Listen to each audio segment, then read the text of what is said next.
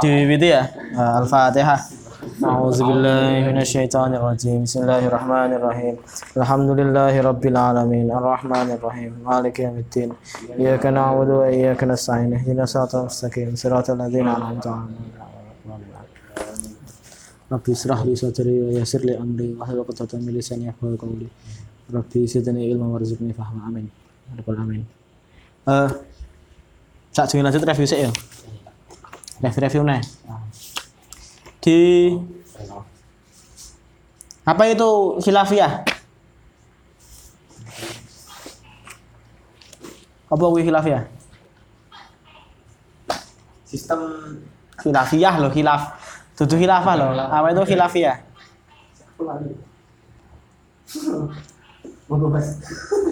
Ya, perbedaan Nah, ada kalau khilaf hil, khilaf fikih guys. Khilaf fikih apa maknanya? Perbedaan ya, perbedaan pendapat. Nah, intinya ben gampang khilafi perbedaan pendapat. Begitu ya? Penting ya? ya ora tekstual gitu. Hmm, Di belakang ada artinya. Nah, eh, nomor A- delapan khilaf fikih. Ini penting ana sing jenenge nek wong ning istilah iki jenenge masalah khilafiyah, masalah perbedaan pendapat. Jadi tidak perlu menyerang orang bahkan tidak perlu menyerang pilihan fikih orang lain kalau bahkan dirimu istilah khilafiyah aja nggak tahu. Ora perlu kowe ngomong, kowe salatnya salah, kowe istilah khilafiyah ora ngerti kok. Istilah perbedaan pendapat ora ngerti. Kan lucu. Maksudnya ki piye yo? Apa? Kowe mengatakan kayak sholatnya keliru. Tapi bahkan untuk istilah hilafiyah saja kamu nggak tahu. Ini kan ya rada lucu aslinya. Hilafiyah itu adalah perbedaan pendapat di antara para ulama umumnya. Nah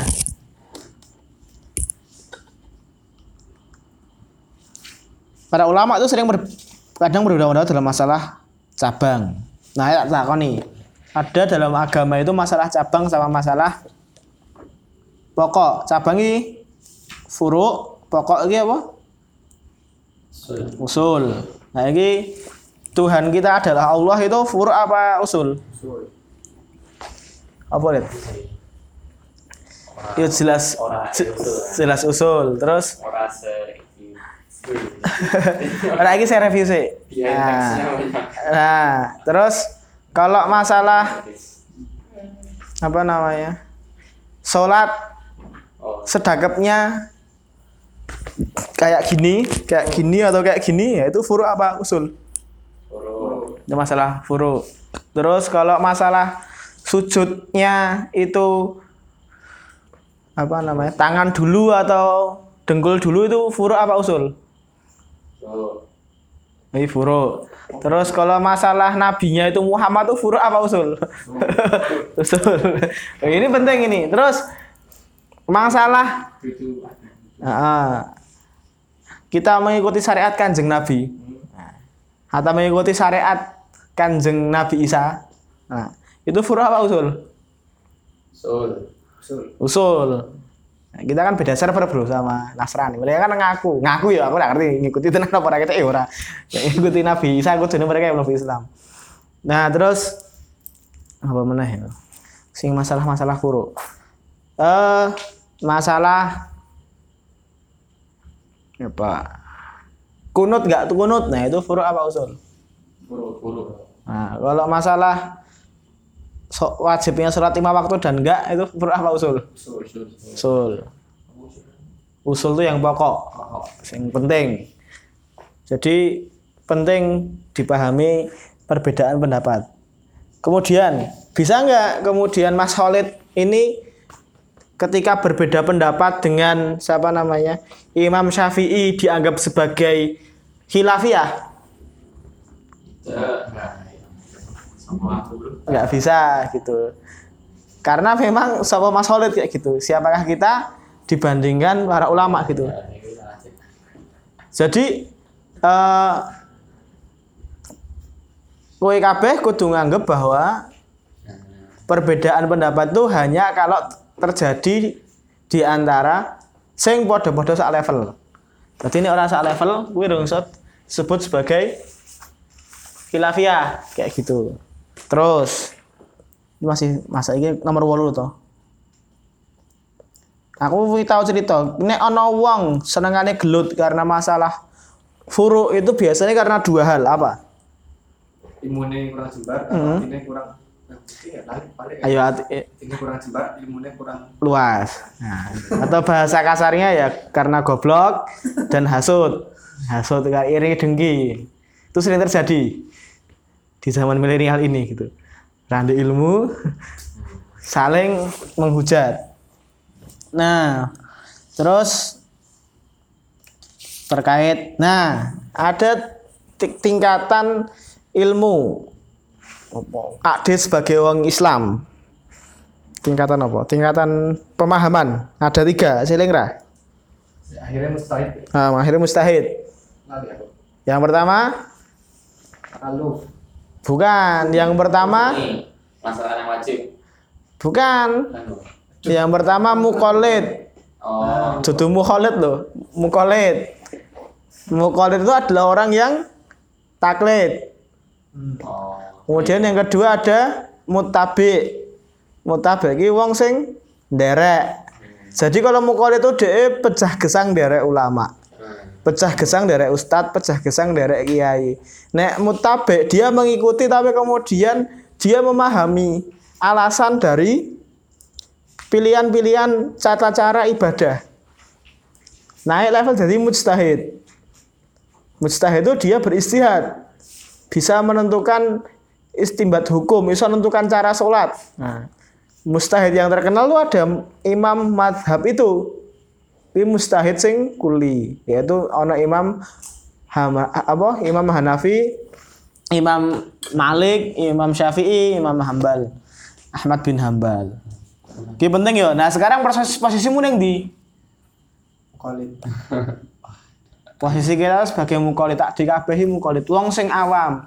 Cara ciri-cirine apa? Wong awam ki. Nek salat isih maca buku ungu kae. Ini kira buku tata cara salat sing ungu ki lho. Nah, terus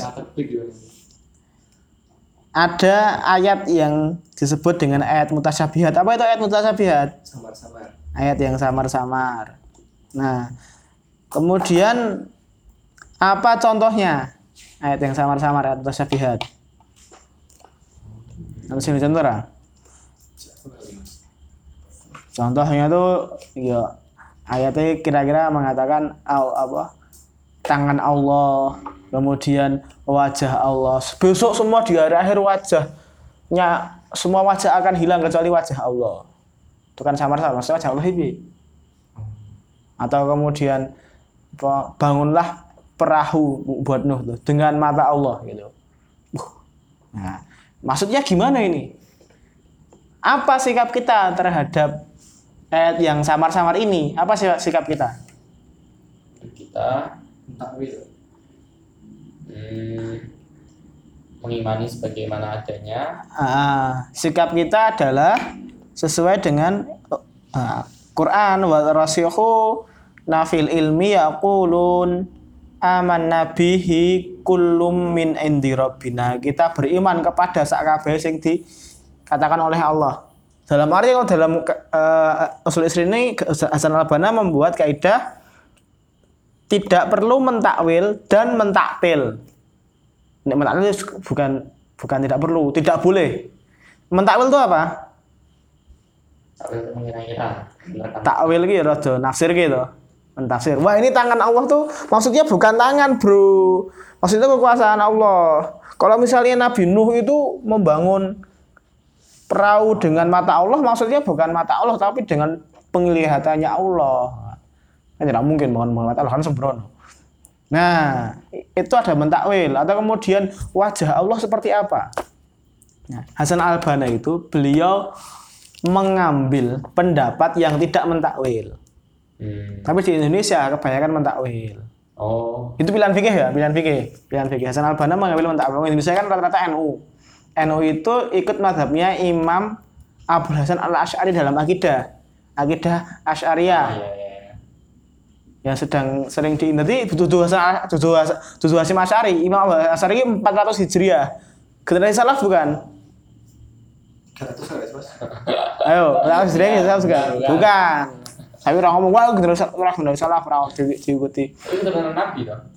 ada yang ngendikan kayak gitu cuma yang penting juga takwil itu kadang-kadang ada hal-hal yang wajib ditakwil Oh. ada hal-hal yang tidak perlu ditakwil tapi kalau taktil itu artinya apa pengingkaran.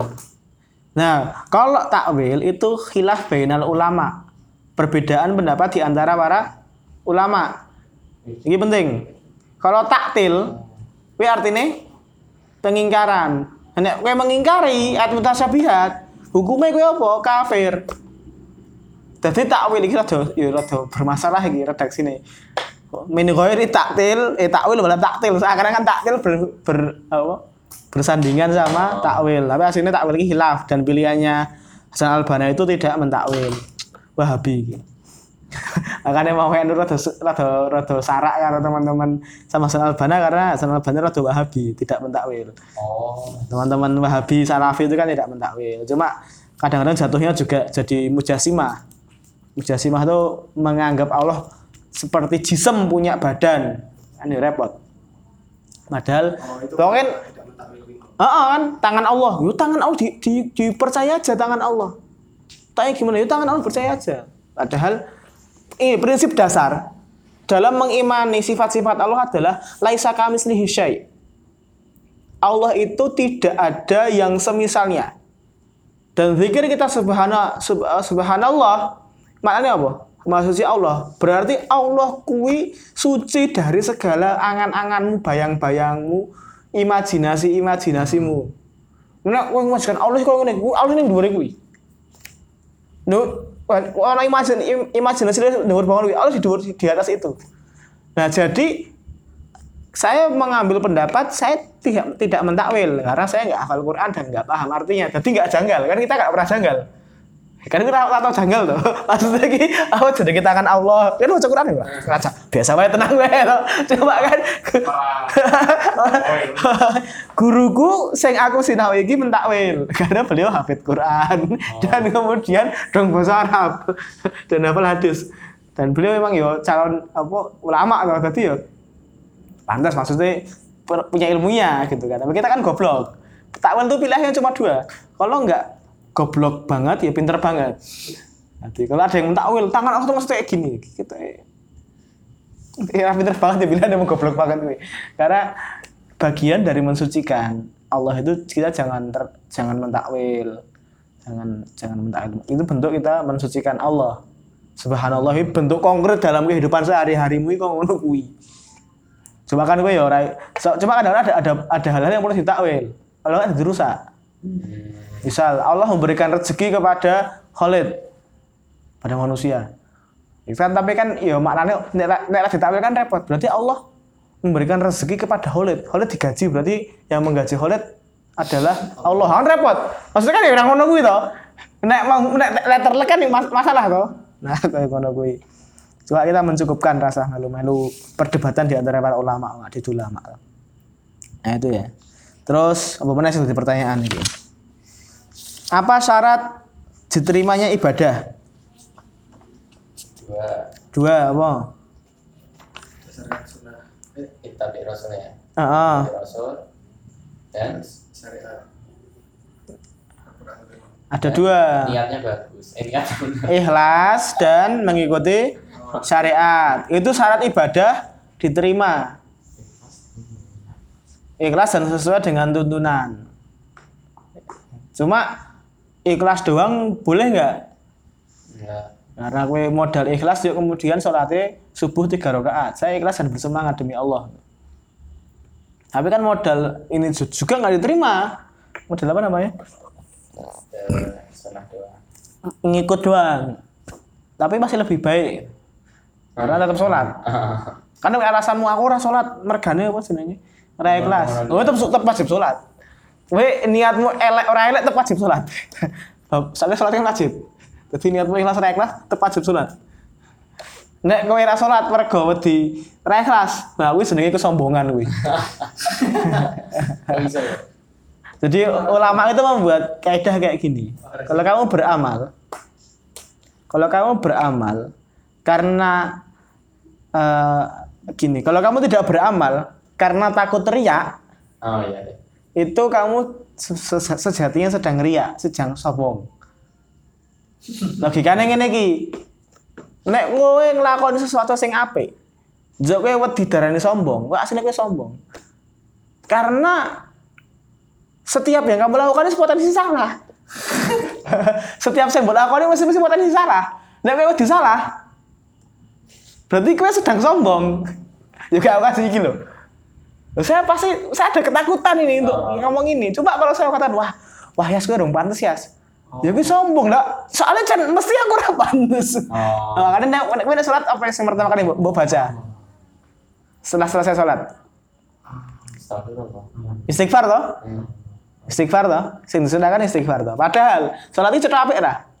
Tapi Cetok apik toh, tapi yang dibaca setelah gue adalah istighfar. Maksudnya apa? Yang ngapura Bapak. Yang saya lakukan belum sempurna. Oh.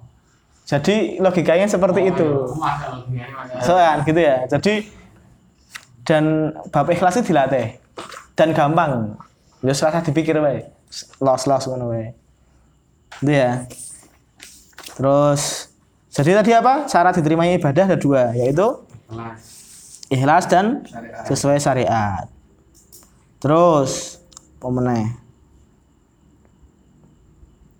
Ki sing pertama-tama iki nek ra di kita nek ra di di di review kowe dolari tenan iki nek di konstoran dolari tenan iki.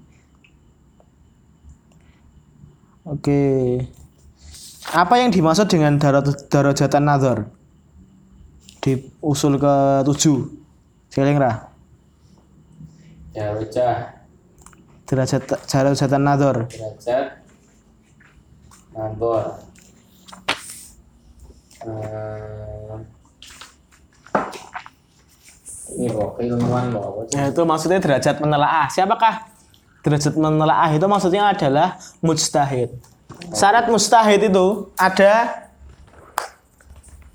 setidaknya dia memahami Quran, sunnah, kemudian dia me- apa namanya memahami usul fikih dan kaul salaf, ulama-ulama salaf, dan yang terakhir dia iso. Syaratnya mustahid kuwi. Dan sekarang ada nggak mustahid yang kuli sing iso mustahid kabeh? Ora ono. Kalau saiki mu- mustah mujtahid juz'i. Dia sinau ekonomi syariah, kemudian beristihad ekonomi syariah. Beda loh ya. Nek kaya Imam Syafi'i, Imam Malik itu mujtahidnya kuli. Oh. Kuli itu semua, makanya jenenge kuliah. Kuliah itu mulai dari semua. Nek bukan semua yang oh, tenanan, Bro. Hei, saya ceritakan kampus pertama di dunia ini apa? Ini wong Islam. Azhar. tiga kampus Al Azhar itu kedua. Oh iya, pertama. Jadi kam, tiga kampus pertama ini Islam si sini. Yang pertama neng Maroko. Oh, Yang keloro ki neng neng Al-Azhar. Al Azhar. Al Azhar ini tahun sangatus pitung puluh sekian masih. Oh iya. iya. Jadi kuliah itu bahasa Islam. Kita mau kuliah membahas Jadi bahasa Arab betul ya. de Islami apa de Arabisasi Indonesia. Kuliah bahasa Arab. Kelas filosofi. Yes ya. Nah, terus apa mau lali toh. Jadi terus oh iya, iya. ini penting. Ada nggak orang yang maksum selain kanjeng Nabi? Nabi-nabi yang terdahulu. Nabi-nabi yang terdahulu, benar. Jadi maksum itu apa maknanya maksum? Hindar dari dosa. Maksum itu nah, terhindar dari dosa, terpelihara dari dari dosa. Dan yang maksum itu cuma Nabi, kanjeng Nabi. Ini penting. Karena kalau ada orang maksum selain kanjeng Nabi, itu bisa merusak syariat. Karena kalau dia dianggap terbebas dari dosa, berarti dia bisa buat syariat baru tuh. Bisa membuat sholat dua rakaat, tiga rakaat, atau sholat hanya tiga waktu, satu waktu. Kan reso. Kan nek ono konsekuensi ini yo, nek ono sing maksum selain kanjeng Nabi, kan dia iso syariat anyar.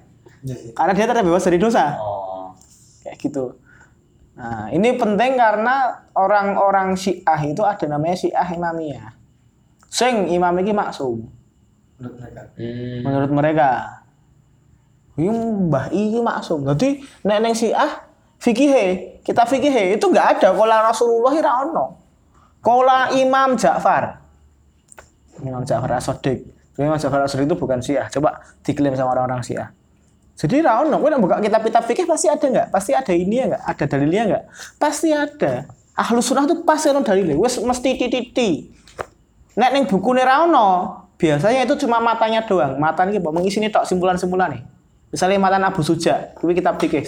Sing misalnya pondok-pondok. Kuwi pendek-pendek, tapi kuwi mung matan tok isine tok. Tanpa tanpa catatan kaki, tanpa footnote. Tapi semua kitab fikih itu banyak footnote-nya. Karena mereka semua punya punya dasar-dasarnya. Kok ngono kuwi. Terus sing maksud hanya anjing Nabi. Ini penting ya, konsekuensi ini ojo gumunan, ojo kaget karo wong. Dan jangan digunakan untuk menyerang orang juga. Anda tidak maksum, kabeh ngerti. Maksudnya kiai tidak maksum, wis belok. Ka- Kabeh ki ngerti kiai ki ra maksum. Kabeh wong ngerti. Kiai juga bisa lah. Ya kabeh ki ngerti kiai ki so salah gitu. Mung so salah kan digunakan untuk nyerang wong tuh. Ya kiai ki so salah. Cuma nek kowe mesti salah e. Ngono kuwi. Soalnya kan ana wong-wong sing ya maksudnya udah suul adab itu. Lah ning pondok iki diajak, ning pondok iki kabeh do ngerti nek kiai ki ora maksum. Oh. Yo tiba-tiba yang menyerang. Kiai yo kiai itu tidak maksum bisa dosa. Yo kabeh iki ngerti, Mas. Ngono kuwi iki. Ya kan padha untuk, "Oh, jumenut Mas saya. Mas saya sira maksum." Yo kayak kita kabeh iki ngerti loh maksudnya kan. Nah, so, so ini, ini ini contoh hal yang baik digunakan untuk niat yang buruk. Nanti ono kaidah sing digunakan nggo menyerang. Menyerang ke yo repot. Jadi jangan sampai tidak ada yang masuk selain kanjeng Nabi ini digunakan untuk menyerang. Soalnya kabeh dong ngerti. Ka- semua orang ahlu, ahlu sunnah wal jamaah itu sepakat bahwa tidak ada yang masuk selain kanjeng Nabi. Dan yang ngomong itu jelas tidak maksum. Maksudnya aku ngomong ngomong bukan berarti aku maksum. Kan misalnya manusia itu apa? Ini loh, sing sering terjadi. Manusia itu pasti bisa hilaf dan salah pak. Tenang saja pak. Ini nyerang pak itu. Padahal dia yang ngomong itu jelas bisa salah juga. Nah, oke, kita lanjut tipis-tipis ini. Ini Bismillah. Aku ya rada kemenceri ya. Temanya tentang bid'ah soalnya. Bismillahirrahmanirrahim. Wa qala mu'allif rahimah, rahimahullahu taala. Al aslul hadil ashar wa kullu bid'atin fi dinillahi dan setiap bid'ah fi dinillahi dalam agama Allah, dalam agama Islam la aslalaha yang tidak ada us asale. Sing cetha asale la aslalaha istahsanaha yang bid'ah itu dianggap baik annasu istahan istah sahan nasu yang dianggap oleh manusia bi ihim dengan hawa nafsunya. Sawaun baik itu apa ini sawaun biziyadati dengan menambah-nambah amalan au binaksi minhu atau mengurangi naks itu mengurangi amalan-amalan minhu darinya. Zolalatun adalah kesesatan. Zolalah tajibu muharabatun eh tajibu muharabatuha dan kita tajibu kita wajib untuk muharabatuha memeranginya. Wal qada'u 'alaiha dan menghukumi atasnya bi afdhali wasail dengan afdol wasail dengan sebaik-baik wasail iki cara dengan sebaik-baik metode. Allati lam yu'ti eh allati la yu'addi ila ma huwa syarru syarun minha. Alati yang la yu'addi tidak menyebabkan ila kepada apa-apa ma apa-apa huwa syarun minha. Hal-hal itu menjadi lebih buruk. Nek lengkapnya apa ning kono Le? Ning kono Segala bentuk bid'ah dalam agama yang tidak mempunyai dasar pijakan, tapi dianggap bagus oleh hawa nafsu manusia, baik berupa penambahan maupun pengurangan adalah kesesatan yang wajib diperangi dan diberantas dengan menggunakan cara yang sebaik-baiknya dan tidak menimbulkan kejelekan yang lebih parah. Oke, aslinya gampang ya. Cuma angel. Aku ya bingung. Ya, saya bingung. Ini yang perlu pertama kita jelaskan apa ini? Bid'ah. Nah, bid'ah. Apa itu bid'ah? Ini penting karena apa? Sok-sok ki wong do nggak boleh ra ngerti definisi nih. Dan mari rusak. Itu nggak hanya masalah bid'ah. Anti Pancasila. Sing ngene wae lah. Sing sering jadi makar. Ingin iki kowe makar tuh definisinya apa? Materi Apa dit? Makar dit. Definisinya. Allah. Rak makar dalam KBBI Oh. zaman pengen 19 gitu. Mengganti menggulingkan pemerintahan toh. Apa? Gaya kudeta toh. Makar iki. Oh. perbuatan menjatuhkan pemerintah yang Oh sah. iya toh. Perbuatan menjatuhkan pemerintah yang sah. Apakah ganti presiden 2019 adalah sebuah makar? Bukan 2019. Itu yang sah. Heeh. Tidak Lah maksud caranya. ah apa ngene ya, maksudnya Ya, mengganti makar. presiden ki makar duduk. Kalau di, kampus itu ya makar. Nek berarti berarti nyalon presiden lawan Jokowi makar dong. Iya kalau di kampus itu. Nah kalau itu kan makar. Kalau definisi, definisi itu.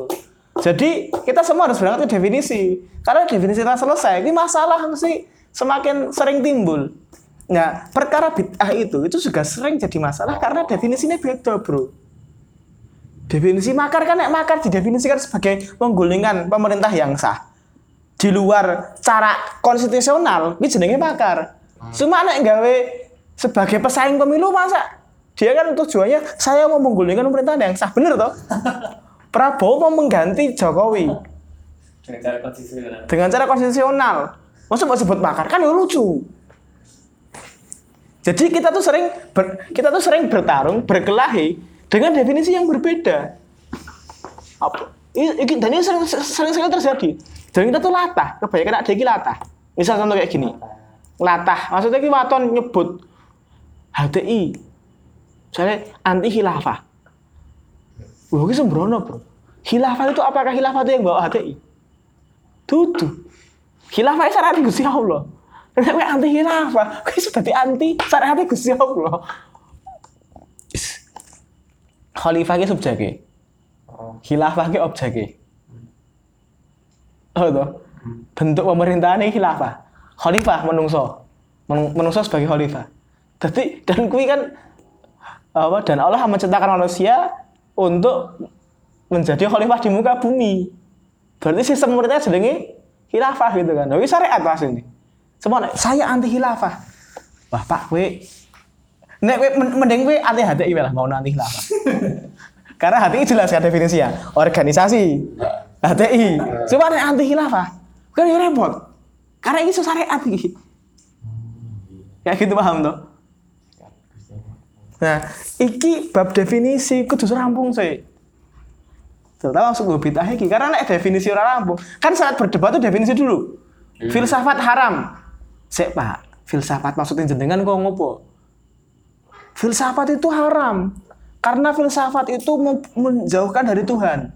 Padahal wong filsafat menganggap apa? Definisi filsafat adalah berpikir. Kan aneh. Jadi, jadi, bagi orang yang tidak tahu filsafat, menganggap filsafat itu adalah haram karena filsafat itu menjauhkan dari Tuhan.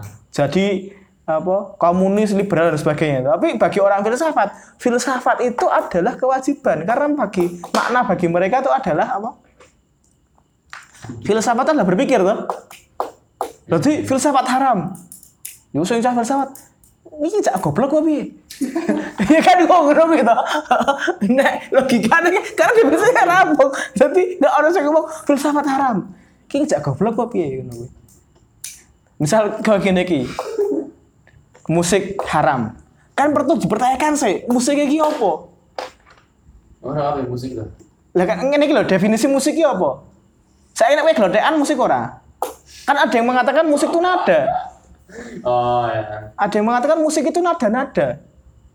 Jadi nada-nada yang repetisi kemudian indah.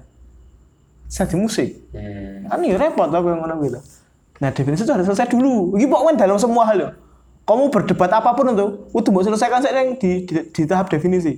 Memang menyebalkan apa jadinya epistemologi nih, cara-cara ah, epistemologi ya. Ya, Aku udah ngerti. Ya. bisa. Ah, ini kok ngono kuwi. Nah, iki itu perlu selesai karena banyak orang berdebat tuh definisinya tuh gak selesai. Ada. Makar, kudeta, khilafah, apa mana sekarang? Anti Pancasila, pro Pancasila, nasionalisme, NKRI, ada itu kayak jargon. NKRI harga mati. Maksudnya apa harga, harga mati? Oh, ngono kuwi. Nah, jangan sampai ya nek wong awam ora apa-apa lah terjebak dengan istilah, tapi kan nek kowe kan yo goblok loh. Masih terjebak dengan istilah gitu. Jangan sampai terjebak dengan istilah. Nah, apa itu definisi bid'ah? Kita bahas dalam dua definisi bid'ah secara bahasa dan definisi bid'ah secara syariat. Penting ini bro, secara bahasa dan secara syariat. Biasa di secara bid, secara bahasa gue bid'ah, secara syariat adalah bid'ah. Oh, oh iya iya. Iya tuh. Saya contoh contoh kok ngene iki. Kafir iki maknanya apa? Orang kufur. Kafir itu maknanya tertutupi. Oh. Maknanya iki menutup. Makanya secara ning bahasa Inggris jadi apa? Jadi coveran. Oh iya. Oh iya. Itu kata serapan, Bro. Oh, iya. Arabi induk bro. Jadi nek nek neng nek neng nek neng jadi asa jadi kan wis sopan. Wahai orang-orang yang ya yuhal kafirun. Wahai orang-orang yang tertutupi, gimana tuh? Kan kuwi lek sopan banget domba-domba yang tersesat. Istilah lek sopan banget domba-domba yang tersesat. tuh. Ya kan wong tertutup atine dari Islam. Dan Abu Jahal ra ono ra ono nusu. Wah aku mbok darani kafir. Ra ono Abu Jahal. Kamu tidak toleran terhadap kami. Kamu mengatakan kami kafir ra ono zaman biyen. Dan saya itu kata kok harus diganti non muslim, tidak boleh mengkafir-kafirkan orang. Iki piye ta iki Pak? Maksud iki definisi sing halus asline kafir iki. Cuma biar sok dinggo nggo misuwi wae. Biar kan sejarah kan kafir kan dinggo nggo misuwi Londo. Oh, kafir London. Loh, biar tuh identiknya kayak gitu. Eling toh? Nek nonton film-film tuh, oh kafir Londo. Oh, oh, wong Jawa kan ngono eh, istilah untuk Londo kan kafir Londo. Kafir Londo. Istilahnya ngono kuwi. Itu gue pisuan, gue PKI ya lho. Oh, PKI ngono. Saya gue PSI, gue PKS kan kan pisuan. Misalnya kayak jadi ya kan saya ono ngono gitu. Ini dadi gojeknya serius iki. Tapi kan kan apa kayak nggak ngerti dhewe tuh ono istilah wong misuwi wong PKI tuh. Ya. Hmm? Musuhnya. atau misi uang dengan wah HTI kan atau wae ono sing mau PKS ra sing misi ngono di teman-teman saya ono sing ngono kuwi mergane kan PKS wong-wongnya sudah dianggap cak angel cak rembukan ngono gitu pengen menangin dhewe terus ah PKS kamu aku sih gak tendang aku dosa gitu nah tapi kita selesaikan nah bid'ah secara bahasa dan syariat. Secara bahasa itu dari bada'a maknanya itu adalah sesuatu yang baru. Menghadirkan sesuatu yang baru. Nah yang belum ada sebelumnya. Itu kata kerjanya. Kalau objeknya disebut dengan bid'ah kayak ngono kuwi. Dadi bid'ah ki nek dalam dunia kreatif itu adalah sebuah keharusan, Bro. Kalau Anda mau survive. Iya toh. Nek definisi secara bahasa lo ya. Secara bahasa itu adalah membuat sesuatu yang baru yang tidak jelas asal usulnya. Sing urung ono apa jenenge? Dilakukan terdahulu. Itu kan maknanya kan asli netral. Hmm. Makna sederhananya kan ngono kuwi. Nah, dalam kaitan dalam apa jenenge? Dalam dunia kreatif, bid'ah itu adalah hal yang bagus. Karena belum ada sebelumnya. Bid'ah itu adalah hal yang kreatif. Tapi kan kita sekarang ngomong definisi secara Nek secara bahasa ya ini ya. Al bid'at al bid'atu lughatan. Ihtira'u ala ghairi mithalin sabikun. Sabikin adalah menciptakan hal baru yang tidak ada contoh sebelumnya. Makanya dalam Al-Qur'an dikatakan Allah itu badi orang yang berbuat bid'ah. Karena Allah menciptakan bumi itu kun fayakun. Jadilah maka jadilah. Dan bumi itu baru nggak ada sebelumnya. Maka kowe ngomong wah bumi ki bid'ah. Secara bahasa kan. Ya, aku ini manusia ini bid'ah karena sebelum sebelumnya tidak ada Allah menciptakan tidak ada manusia. Oh, ngono kuwi. Maknane kok ngono kuwi. Ini makna bahasa. Cuma nek kuwi dinggo ning keseharian yo jak gelut no. Nah, ini bid'ah ini, nggak ada minum pakai apa sebelum sebelumnya nggak ada nih gitu kan. Jadi jadi secara bahasa kuwi yo. Tapi kemudian secara syariat itu beda lagi. Kalau ini di sini eh, Imam Asyatibi mengatakan ketikane bid'ah adalah tariqatun fiddin muhtara'atun tudhahi syar'iyah yuqsadu bisuluki 'alaihal mubalaghatun fit fit ta'abbudillahi subhanahu adalah cara dalam agama yang diada-adakan sebagai tandingan syariat di mana maksud pelaksanaannya untuk berlebih-lebihan dalam beribadah kepada Allah. Cuma masalahnya pertanyaan syariat ki opo? Kan bid'ah adalah nek Imam Satibi yo diada-adakan sebagai tandingan syariat. Pertanyaan syariat ki opo? Syariat fiddin. Syariatnya aslinya a- agama syariat. Nah, ono telu dalam beragama. Yang pertama itu adalah akidah, yang kedua itu adalah fikih, yang ketiga adalah akhlak atau muamalah kepada sesama. Dan sering, sering terjadi bid'ah itu di, dalam akidah dan fikih yang sering terjadi. Ada nggak bid'ah dalam akidah? Ini kan definisinya paham ya? Adalah sesuatu yang baru, sing urung ngono mbiyene, sing urung ngono asale. Bid'ah ini nih, sesuatu sing anyar, kreativitas, sing kreatif, sing ra ono, sing ra ono dasare. Hmm. Misal kayak gini. Kita ngomong akidah ya.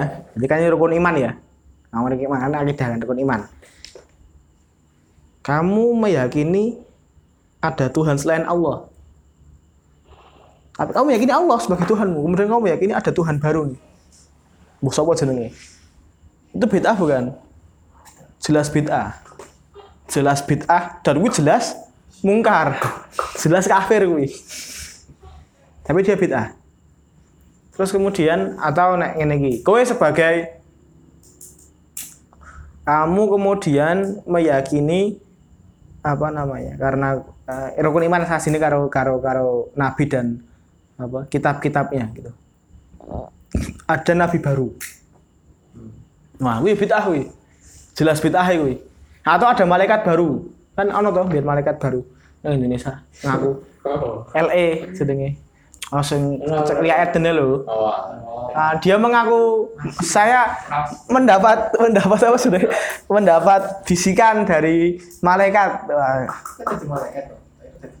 Saat eh oh dia jadi nabi juk. Oh saya ketemu malaikat malaikat Jibril. Nanti saya, saya dikasih tak saya diminta kasih tahu untuk ini iki. Dan yo ono pengikutnya ngono iki. Ya piye to? Ya kuwi setelah bid'ah. Membuat malaikat baru. Atau ngaku nabi. Karena kenapa jadi bid'ah? Karena nabi ngendikan Nab, aku itu adalah nabi terakhir. La nabiya wala rasulah ba'da.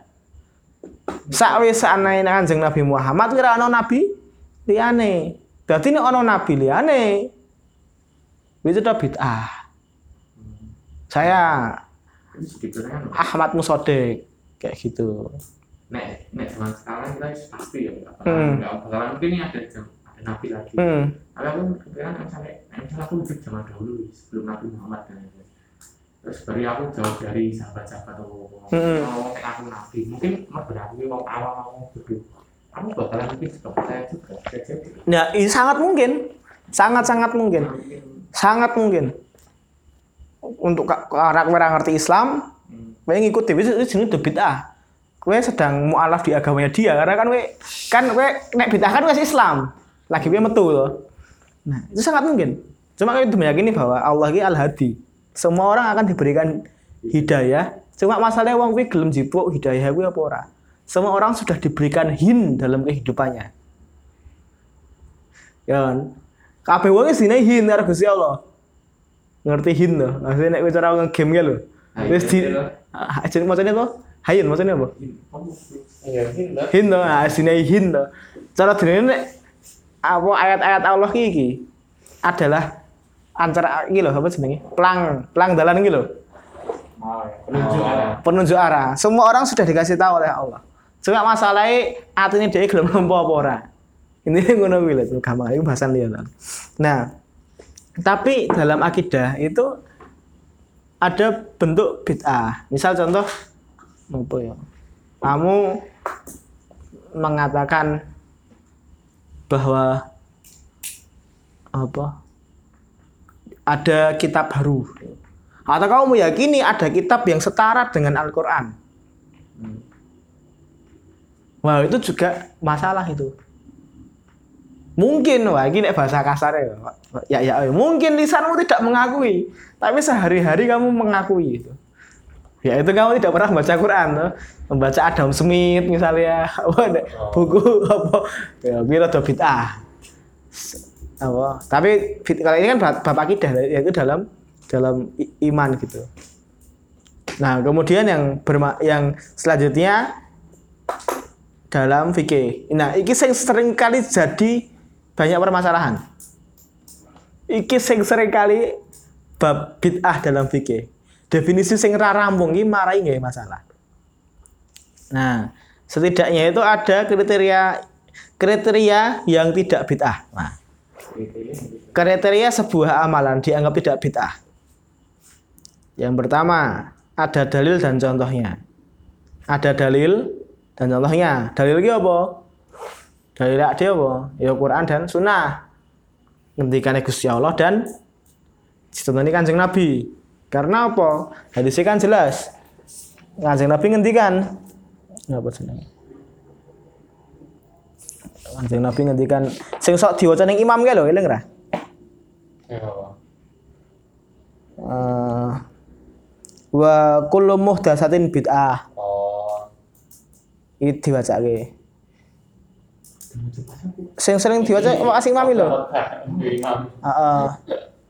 Ama ba'du fa inna khairal hadisi kitabullah wa khairal hadi Muhammad Rasulullah wa syarrul umuri muhdatsatuha wa kullu muhdatsatin bid'ah wa kullu bid'atin dhalalah. Kan sok diwaca ta kuwi? Krungu ta? Kuwi Turun terus kok. Ya ora Iya ora. Kan sok diwaca khatib kaya ngono gitu. Tak wacake ya. Fa inna khairal hadisi kitabullah dan sebaik-baik perkataan pembicaraan adalah kitabullah, adalah Al-Qur'an. Wa khairul hadi kok huda to iki piye to? Wa khairul hadi hadi Muhammad sallallahu alaihi wasallam. Iki riwayat Muslim lho, sahih lagi lho. Nah, dan sebaik-baik petunjuk, sebaik-baik uang yang menunjukkan itu adalah Nabi Muhammad. Makanya biar tak cerita nih pas hijrah Nabi karo Abu Bakar tuh. Abu Bakar kan ning buri. Nabi ngarep naik onta tuh. naik onta terus nek takoni karo wong, "Mbak, sapa ning ngarepmu?" takon karo Abu Bakar. Ning ngarep penunjuk jalan.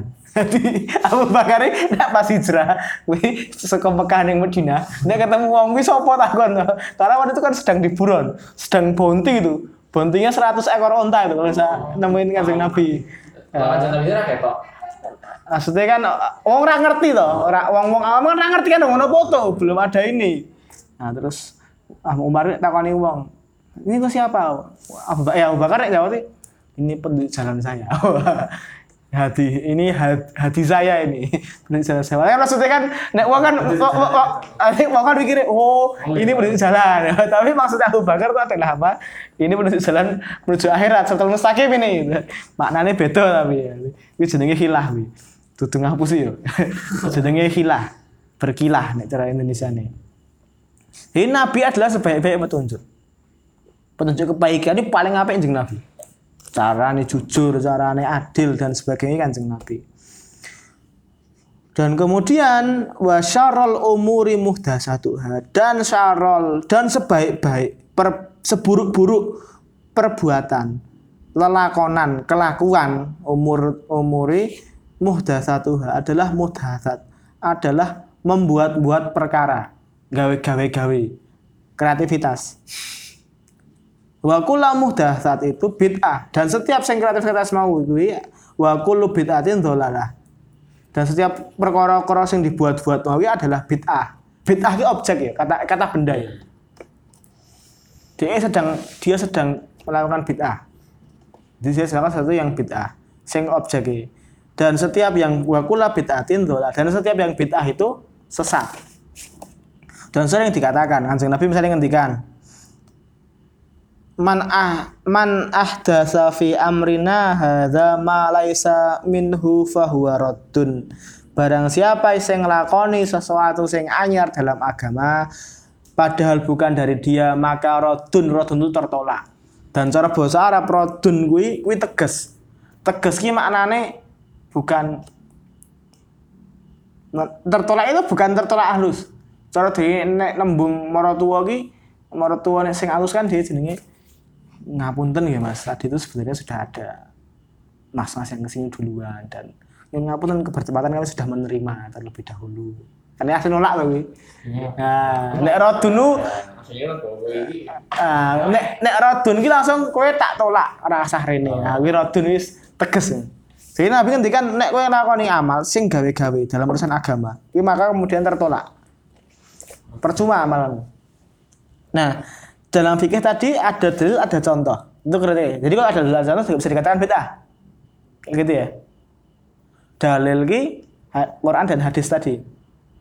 Nah, contoh ya dilakoni Nabi. Yang kedua, ada dalil dan contohnya cuma tidak terus-menerus dilakukan Nabi. Sebagai contoh, sing sering sing sering terjadi kuwi kunut. Hmm. Sejarah kunut itu dulu itu kunut itu jadi zaman biyen ana kaum sing ngaku wis Islam karo Kanjeng Nabi. Akhirnya Nabi mengirimkan penghafal-penghafal Quran, dikirimkan. Dikirim 70 penghafal Quran, dikirimkan ke kaum kuwi. Nggo mulang. Ternyata apa yang terjadi? Karo kaum kuwi dipateni kabeh. Dibangkai. Nabi lagi sholat dihanyi Jibril. Langsung Nabi itu di doanya itu muring-muring. Saya para redaksi, Nabi kuwi ya Allah laknatlah si fulan, laknatlah dia. Di- Ora tahu sebut jeneng-jenenge. Dilaknat, dilaknat, laknat ini supaya wis kaya itu ya rada dipisui dalam tanda kutip ya. Terus apa kubure mbok tutuki ning neraka mbok ngene-ngenekke dilaknat begini-begini. Sebenarnya Allah menegur Allah. Ya Allah menegur, tidak pantas kayak gitu. Karena yang berhak mendukung apa menghukum itu hanya Allah. Kemudian kanjeng Nabi itu Nabi itu berdoa itu itu pas sholat. Jadi pas sholat jadi kunut. Karena biasa pas sholat jadi kunut. Ada kemudian Nabi setelah itu mengganti doanya jadi Allahumma hdina fiman hadai. Nah, setelah itu kemudian apa yang terjadi? Itu tuh Nabi apakah full setiap sholat kayak gitu? Enggak. Hanya kira-kira sebulanan. Oh. Mm-mm. Nah, cara berpikir Imam Syafi'i itu kan nek dilak tahu dilakoni Nabi, wis sunah toh. Dan cara berpikir adalah kalau sunnah dilakukan lebih baik. Hmm. Nah, kalau kalau kan cara ca- prinsip dalam beribadah atau mencari cuan adalah sebanyak-banyaknya toh. Nah, ini kapitalisasi dalam ibadah ini. Oh. Lebih kalau dilakukan lebih baik. Akhirnya Imam Syafi'i mensunahkan kunut. Tapi kunut kuwi ono dalile. Cuma dalilnya itu adalah apa? Eh, semua orang tahu gitu bahwa itu Nabi nggak setiap kali melakukan kunut dan kadang- dan kadang-kadang dan hadisnya Nabi adalah selalu kamu tumuni usoli sholatlah kamu sebagaimana kamu melihat aku sholat. Jadi ono ra wong sing tahu sholat karo Nabi terus ndelok Nabi ra sholat dengan kunut? Ono. Sing terkenal kuwi Imam Nasai kuwi meriwayatkan hadis perkataan sahabat sing ngomong kunut kuwi bid'ah tapi Imam Nasai itu adalah madhab Syafi'i. Dan beliau madhab Syafi'i apa? Kunut kui sunnah. Jadi saya objektif ulama zaman biyen. Sing ngomong bid'ah amalan dhewe ditulis. Di musnadnya ning kitabe. Jadi Imam Nasai kuwi nganggep bahwa beliau iki madhab Syafi'i. Kunut kuwi sunnah, lakoni kunut. Cuma ada ono sahabat sing ndelok kuwi bid'ah. Mergane pas dhek zaman biyen saya sugeng, orang ngonangi zaman Kanjeng Nabi pas kunutan. Jadi ya prinsipnya ini ya. Pokoknya ada dalil dan contoh tapi tidak terus menerus. Itu belum masuk kriteria bid'ah. Kemudian yang ketiga, ada dalil tapi nggak ada contoh.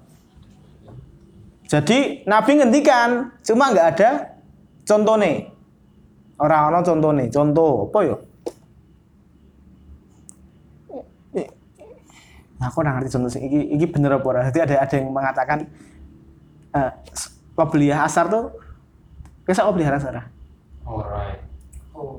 Tapi ada yang mengatakan Kanjeng Nabi pernah mengatakan sholat qobliyah asar. Cuma Nabi itu nggak ngelakoni Oh. kayak gitu. Jadi apa namanya? eh ada dalilnya tapi nggak ada contohnya. Nek yang sering sering terjadinya itu malah sunnah takririyah. Apa atau kemudian sunnah takririyah ki apa jenenge? Di ACC Nabi. Oh iya. Contoh Nabi Nabi ra nglakoni. Tapi ada dalilnya. Nabi ra nglakoni tapi ono contone. Eling yo hadis ki apa? Ono telu hadis. Apa yang dihentikannya Nabi, apa yang dilakukan Nabi, sama yang kemudian di ACC atau di takrir. Misal, sing sing sering terjadi tahu cerita bung bola balik. Jadi zaman biyen pas lagi lagi lagi lagi, lagi sholat ki. Nabi kan nek ideal aja, mak maksudnya apa? Itu kemudian Rabbana walakal hamdu milkus mil usama watil art. Ini sing dibaca Nabi. Tapi ada sahabat sing maca.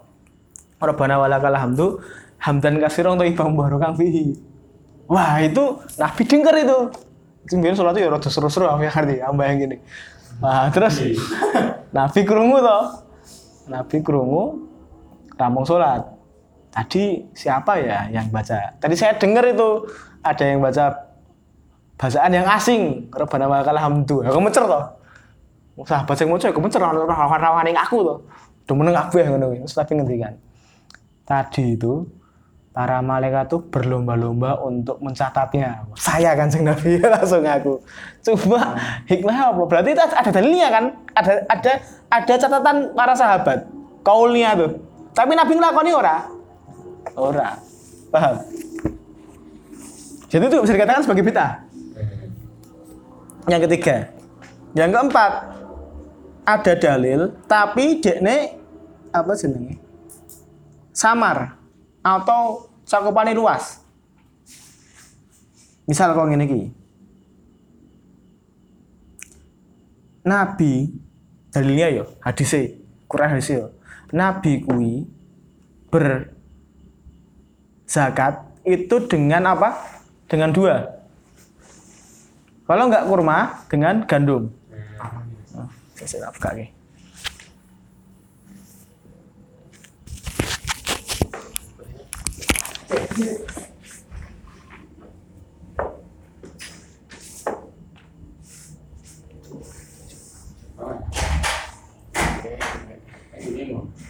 Hah? Eh, orang olahraga. Nah, Nabi kui, apa tak balik mau? Nabi kui eh, zakat dengan kurma dan gandum. Gue saya zakat gue apa? Gue. Bid'ah berarti gue. Ora oleh. Zakat gue apa? Zakat fitrah. Itu. Ora oleh. Zakat fitrah dengan duit uang tuh nggak boleh. Nggak boleh. Iya maksudnya kan nyetor situ duit. Nggak boleh. Apa ya? Nggak boleh. Jadi zakat fitrah itu harus dengan Lima bahan pokok. bahan pokok. Kalau kamu kalau kamu pakai uang itu nanti nanti akadnya akad ya nek kowe nganggo duit dibelikan sama jadi ra- oh di- karo masjid. Jadi ini masjid sebagai apa konverter, makler ora oleh, asli ora oleh. Oh. Jadi nek misalnya kamu zakat duit sejatinya kamu sedang zakat beras dalam bentuk uang. Ah. Tapi nanti pasti diberaskan. Iya. Nggak boleh diuangkan. Oh iya. Oh kayak.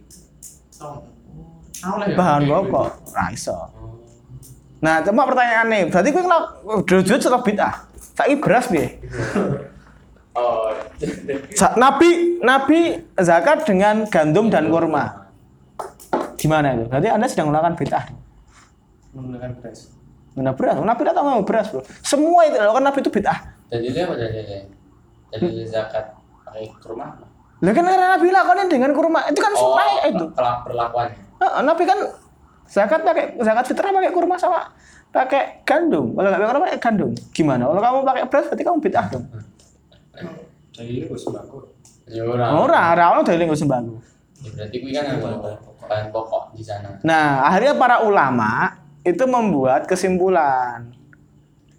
Dibuat kesimpulan. Maksudnya gue dudu kurma bukan kurma dan gandum tapi bahan pokok di wilayah itu. Kan ya goblok tuh kan Indonesia kemudian, Pak ini kurma nggo jenengan. Ini apa jenenge? Zakat saya. Ya sah-sah wae, cuma kan wong ya nek wong sing kere iso madang mbok nek kurma ya bingung to. Kan nek weteng wis terinstall beras kan mbok kurma sak kilo ora wareg, Bro.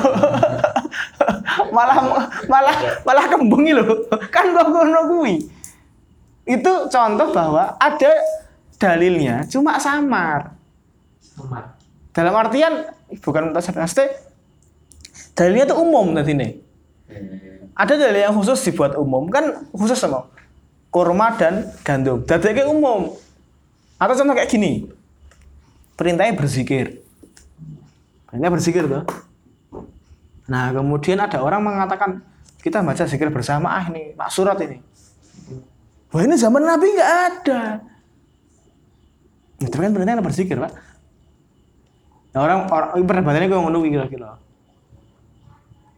Jadi ada orang yang mengatakan ini bid'ah zaman Nabi Raun. Tapi dengan definisi ini ada nggak dalil suruh berzikir? Ya. Izkurullah gitu loh. Wah kayak banget bro. Nah bahkan berzikirlah kamu apa nek ing Ali Imran dalam keadaan tidur berbaring atau Oh. duduk. Gue tahu berbaring karo zikir. Wong gue tuh turu. Wah, amane sosok aku sosok iki zikir ya nyoba karo turu pisan-pisan. Asli karo berbaring sambil rebahan. Ya. Nah, terus kemudian. Dadi nek misalnya koyo ngene iki ya kemudian pas apa jenenge? Winning mujud to. Nah, baru kuwi teturan zikir kan. Kan wah kuwi ono salahnya malahan. Kamu enggak sopan. Masa habis sholat apa jenenge? Habis sholat rebahan terus la ilaha illallah. Itu mana dalil ya? Woi Pak ora tau maca Quran Pak. Iki apa jenenge? Apa? Dan itu malah apa jenenge? Eh, il- apa namanya? Dan ingatlah Allah dalam keadaan ini berdiri, duduk maupun berbaring. Jadi gue berbaring sambil zikir tuh ya malah gue kalau dalil cetha gue. Ya sing rada ora ono ya sing bareng-bareng gue apa mau. Nah, cuma dalilnya tuh ada, cuma samar atau dalilnya umum. Misal kayak gini, bacalah sholawat. Nah, kemudian para, para ulama membuat apa namanya? Membuat sholawatnya masing-masing sholawat terus, sholawat fatih, dan sebagainya. Nah itu hukumnya gimana? Nah kita lihat dulu keempat ini. Jadi ngancer-nganceri bid'ah apa ora? Ngancer-nganceri papat ki mau. Yang pertama ono dalile karo contone ora. Sing loro ono dalil dan contone walaupun dalil contone kuwi hanya dilakukan Nabi sesekali. Ora dilakukan terus. Yang ketiga itu ada dalil tapi ora ono contoh. Yang keempat kuwi Hmm. ono dalil tapi ono dalil umumnya apa ora? Ono sandarane ora? Ben ngerti kuwi bid'ah apa ora? Jangan-jangan selama ini kita menghukumi wong liya bid'ah mergo ada radang dalile. Nah, takkan misalnya kowe ngene iki. Ziarah kubur bid'ah. Oh iya, bahaya lur. Karena ziarah kubur kuwi malah hukumnya iki sunnah. Nabi itu pernah mengharamkan ziarah kubur pernah. Tapi di dinasah. Nek yang ilmu hadis kan nasah mansuh. Cuma di ya, kanjeng Nabi kan tiga ning umum. Saya dulu pernah meng- meng- mengharamkan ziarah kubur, sekarang saya perbolehkan. Dan Nabi juga pernah ziarah. Nah, Nabi ziarah ekstrim. Jadi hadis membaca doa di kubur itu, itu ceritanya. Bengi-bengi Nabi itu tiba-tiba kan sedang jadwal sama di, di rumahnya sama Aisyah tuh ya. Nabi Nabi tiba-tiba Nabi tiba-tiba malam-malam itu metu koma. Nah, Aisyah sebagai istri kan ya walaupun umur mukminin kan ya wete-wete tak pernah khawatir Nabi ning digegen yang ke rumah istri lainnya kan. Akhirnya Aisyah mengikuti. Ternyata Nabi itu malah ke mana? ke Baki Oh iya. ke makam ke makaman jadi Aisyah sing hadis ini saya mengikuti beliau dari rumahnya Nabi kan Baki kan yang Medina Oh. deket masih ora adoh banget zaman ben kan mlaku sak sak kilo itu serak kok mesti saya kan adoh maksudnya kemudian eh, diikuti itu nah dia kemudian hadisnya itu terjadi kayak jadi nabi ini ziarah bengi cuma ya rasa ya rasa berlebihan juga. Cuma saya cuma pengen bahwa prinsipnya apa tadi itu? Ada tuntunan ada, ada dalil sama contohnya ada dalilnya tanpa contoh nggak apa-apa atau ada dalil tapi samar atau dalilnya umum. Hmm. misal apa sing sering terus sing sering disalah pahami ya apa? Kunut ya? Atau kemudian maulidan Nah, mau ditanya. perlu dipertanyakan dulu maulidan ki apa Azan pas Jumatan. nah ini contoh. Azan Bindo. azan itu. nah ini misalnya azan pindo azan pindo kuwi ra ono zaman kanjeng nabi. Tapi mulai ada zaman siapa? Apa?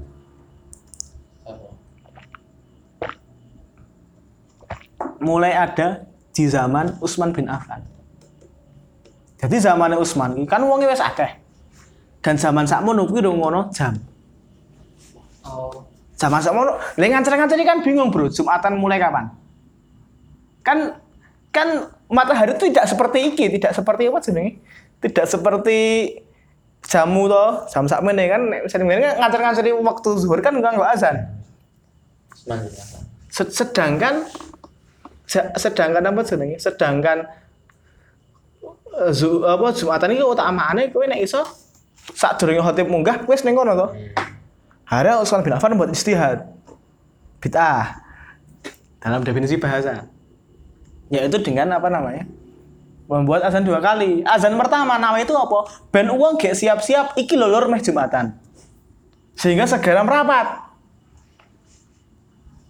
Nanti kemudian yang kedua azan lagi.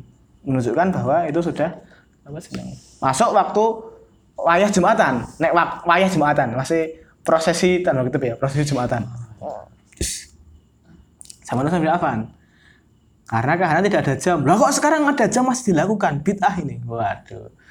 Aku iki iki yo ilmu ini angel lagi jenenge ilmu ini usul fikih iki. Mama saya juga tidak paham ini. Cuma saya belajar sedikit-sedikit lah maksudnya. Nah cuma kayak misal kayak ngono kuwi didelok sih istihad itu tidak bisa membatalkan istihad lainnya sekarang itu masih bisa nggak? Ya tetap masih bisa. Alasannya apa?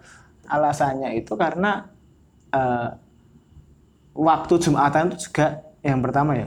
Kuwi ora kudu ning awal waktu. Oleh ra jumatan jam loro. Jadi ada ulama yang mem- mem- ada ulama yang mengatakan bahwa waktu jumatan ki duha tekan sak durunge asar. Itu jumatan yang 10 itu harus ngomong oleh. Oh. Oh. Dan nggak perlu. Eh, iya. ya kan pakai zuhur bro. Heeh. Iya, eh, atau jam loro. Biar ini jadi saya neng Beringharjo ki jumatan jam loro. Basah di debat tuh radong kayak. Tapi itu dulu asal usulnya kayak gitu. Dia alah. cuma ini juga, juga penting. Bid'ah yang zolalah yang ditentang itu adalah yang dia istidamiha dengan syariat. Sehingga dia bertentangan dengan syariat. Dia berlawanan-lawanan dengan syariat nah bid'ah secara bahasa ono ora? Bid'ah sing dadi wajib? Secara bahasa. bid'ah sing dadi wajib? Kita Secara bahasa ya. ya bid'ah tapi dadi wajib. Contoh gini Quran ki bid'ah dalam agama loh Zaman kan Nabi kan masih nulis Quran? Oh, ono ora ora ono. Zaman jeng Nabi ki ra ono. Makanya ono ulama yang mengatakan bid'ah itu bukan hukum. Betul ya bid'ah itu itu hukum. Dia tidak bisa dikatakan kan hukum dalam Islam ono limo ini ra ya. Wajib. Sunnah mubah makruh haram. Bid'ah itu ada nggak di situ? Enggak karena ada bid'ah yang wajib ada bid'ah yang sunnah bid'ah yang mubah makruh haram. Nah dengan definisi tadi bukan dengan definisi yang bid'ah yang bertentangan istidamiyah dengan syariat ya. Contoh bid'ah yang wajib apa ya maca Quran ku ya apa maca Quran ya bid'ah maca Quran karena zaman kanjeng Nabi kira ono wong udah hafal Quran Nabi ra jadi Nabi membaca Quran Si- si definisi membacamu apa sih? Nek definisi membacamu adalah melihat tulisan. Nabi ra iso baca tulis. Jadi kuwi nek maca Quran dengan membaca iki bid'ah. Karena ben usah terus tulis. Tapi iya kan definisinya nek maca ngene iki lho. Ya ora ono nabi nek maca nek apa membaca membaca iki me- me- me- melafatkan Nah, jadi Nabi itu nggak pernah baca Quran. Dalam tanda kutip, wih di mana ya betul? Nabi nggak pernah baca Quran. Ya bener, orang benar baca tulis. Oh. Maksudnya ini, wis bener. Nabi tidak tidak pernah membaca Quran. Coba coba gue gitu. Ada yang sekali Nabi itu nggak pernah baca Quran. Wah, gimana? Ya bener, karena Nabi nggak bisa baca tulis. Tapi ikan ikan permainan bahasa bro. Atau nggak ada nggak bid'ah sing dari dari sunnah? Bid'ah sing sunnah. Salah di sini adalah salat taraweh. Nah. Iya. Tarawih ini siapa sih nggak Umar bin Khattab. Jadi lagi jadi zaman Nabi, Nabi itu tarawih yang biramungan. Nabi itu nggak cuma kila itu tiga empat kali. Jadi Nabi pas sholat pas Ramadan, pas sholat, sholat ramong sholat isya, beliau ke masjid sholat. Sahabat ikut. Biasalah sahabat itu melu, derek. Sesuai kan. Biasalah kakak dewe toh. Lur ini Nabi bar bar isya ini masjid mana sholat mana? Wah, sholat apa? Melu sesu. Semakin rame dong. Pak Isya tuh makin rame. Besoknya Nabi makin rame. Hari kemudian hari keempat dinenteni itu. Nabi ra metu. Oh. Tekan subuh ra metu sudah bali to. Baru subuh. Nabi ngendikan, "Aku ngerti. Kowe mau do ngenteni, kowe mau bengi do ngenteni aku. Tapi aku ra metu. Mergane apa? Mergane aku wedi nek iki mbok anggap wajib." Nah, akhirnya kemudian tapi kemudian di zaman Umar, oh zaman Umar menangan tuh khalifah sih. Membuat yang namanya sholat taraweh. Sholat tarawih. Tarawih artinya apa? Istirahat. Nah, zaman Nabi itu kui 11 rakaat, Bro. Cuma kui sepertiga malam. Jadi nek sholat kui kui yakin kui jurah kuat, tak ora kuat. Nah, jadi sepertiga kan malam kan bagi tiga tuh. Sholat ini se- se- se- selama itu. Cara berpikir Umar bin Khattab. Jadi kan misalnya contoh-contoh kayak gini. Nabi bacanya 5 juz ya. Hmm. 5 juz 11 rakaat kan berat tuh. Satu rakaat, satu rakaat berapa? Setengah juz ya. Setengah juz kira-kira tuh. Nah, cara berpikir Umar karena kita amatir, Ya. mau mati-mati wes ora zaman sahabat biyen tuh.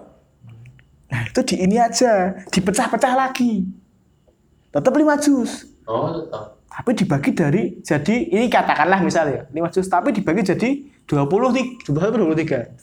Ketiga. 23. Nah, Nah, dari kemudian ada jedanya tarawih. Tarawih eh istirahat itu. Jadi aku lagi tarawih, Bro. Oh, tapi yang masjid lebih ya, mau istirahat. Nanti aku kuwi baru dinuri wong. Saya yang masjid tuh, yang masjid tuh. Saya tarawih dulu. Maknanya apa? Maknanya istirahat. Tapi nek zaman Nabi, Nabi itu bilang ini sholat apa? Nah, Nabi nggak mengatakan yang membuat nama salat tarawih itu Utsman eh Umar bin Khattab. Nabi ya. Nabi Nabi, jadi zaman Nabi ki wong rawatan nggih, ora ora ora ora asal nggih istilah. Zaman Nabi kayak mulai fi Ramadan ngono kuwi. Nabi Nabi ora menjuduli ini salat ini ora. Ya Nabi salat salat wae ngono kuwi. Ora kok ada kan saya kan sangat teknis-teknis ngono kuwi. Ya, Nabi salat salat wae gitu. Nah baru dinamakan salat tarawih kuwi ya zamannya Umar. Dan kuwi lucu. Jadi Umar awal-awal Umar itu, kuwi dibitahe. Harus sabar itu bidah bro, jangan jeneng Nabi ra ono. Vila khalifah menangan cutuk to. Ora, pokoknya manut aku. Terus si, si Ubay bin Ka'ab dikon ngimami. Ubay bin Ka'ab kon ngimami. Imam kowe. Loh, masa aku ngimami Amrul Mukmin ditutuk. Cek, Aku Amrul Mukminin. Eh akon kowe. Ubay bin Ka'ab iki termasuk sing ra sepakat awal-awal termasuk ra sepakat tarawih ra penak ngimami khalifah tapi karena khalifah menangan harus ngimami khalifah oh perintah khalifah kudu nderek iki bid'ah jadi aslinya iki eh, zaman jeung Nabi kan ora salat tarawih ra ono kan serba salah yang mulai firman. Nah, nek misale ning ning ning ning Arab pira 20 20 iki ya, 20 23 ya. Ya. Ya salah nek ning Arab 23 ya salah. Oh. Muhammadiyah 11. Itu tenang ada tiga. 23. Ya salah. Jadi tapi nggak pakai kunut.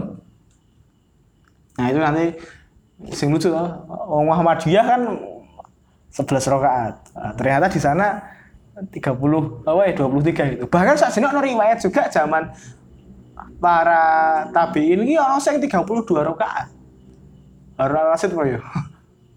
Oh, oh. Bid'ah, kok ning ngatain bid'ah. Yang ya. Nah, karena Anak Asalnya saya Nah, ada juga bid'ah yang mubah. Cuma itu definisi apa. Tapi kalau kita menggunakan yang dimaksud dengan bid'ah yang diperangi itu adalah bid'ah yang itu bertentangan dengan syariat. Sing rusak syariat. Salah siji ini teman-teman harus ngerti konstitusi dalam beragama, konstitusi dalam beribadah, hukum asal dalam beribadah itu adalah haram sampai diperintahkan. Tak boleh nih. Konstitusi ini gini, Oh. hukum asal untuk beribadah kepada Allah, ibadah mahdoh ya, itu hukum asalnya adalah haram sampai diperintahkan. Nek muamalah, hukum asalnya boleh sampai dilarang.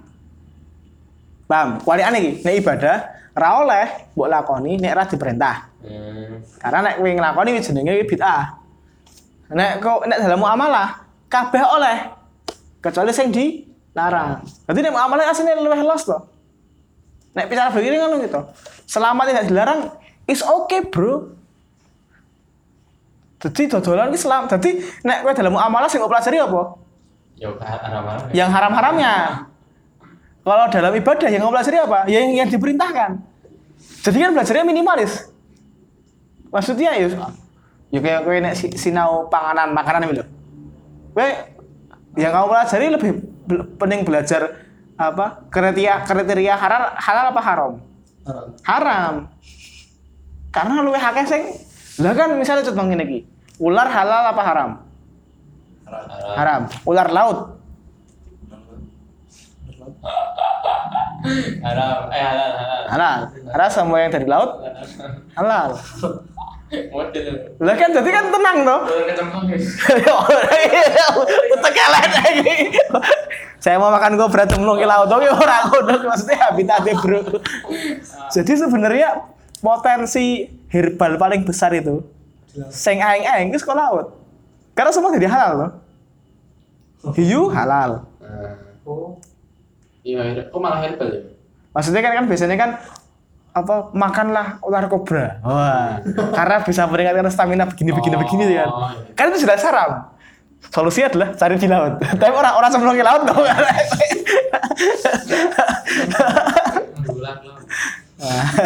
Misalnya karena kan ada kaidah-kaidahnya. Konstitusinya kayak gitu. Dan konstitusi konstitusi juga yang kedua adalah syariat kuwi hak prerogatif Gusti Allah. Tak bani. Syariat kuwi hak prerogatif Gusti Allah. Bahkan Kanjeng Nabi pun tidak boleh membuat syariat. Itu suatu ketika nek ngerti at-tahrim. Apa? At-tahrim ya. Ah, awalnya mau- Ya Yuhan Nabi atau harim. nah, ya ayuhan nabiyyu la tuharimu Maafkan Allah Allah. Nah, wahai Nabi, janganlah kamu mengharamkan apa yang dihalalkan oleh Allah. Nah, Wih kan apa? Nabi ra oleh nggak syariat. Tahu ya. Apa? Tahu kisah ya. Nah itu, jadi Nabi itu pernah mengharamkan kisahnya. Jadi beliau itu kan ya punya istri banyak loh. Terus ada satu istrinya wis yo nyonsa dan rada rapati ayu.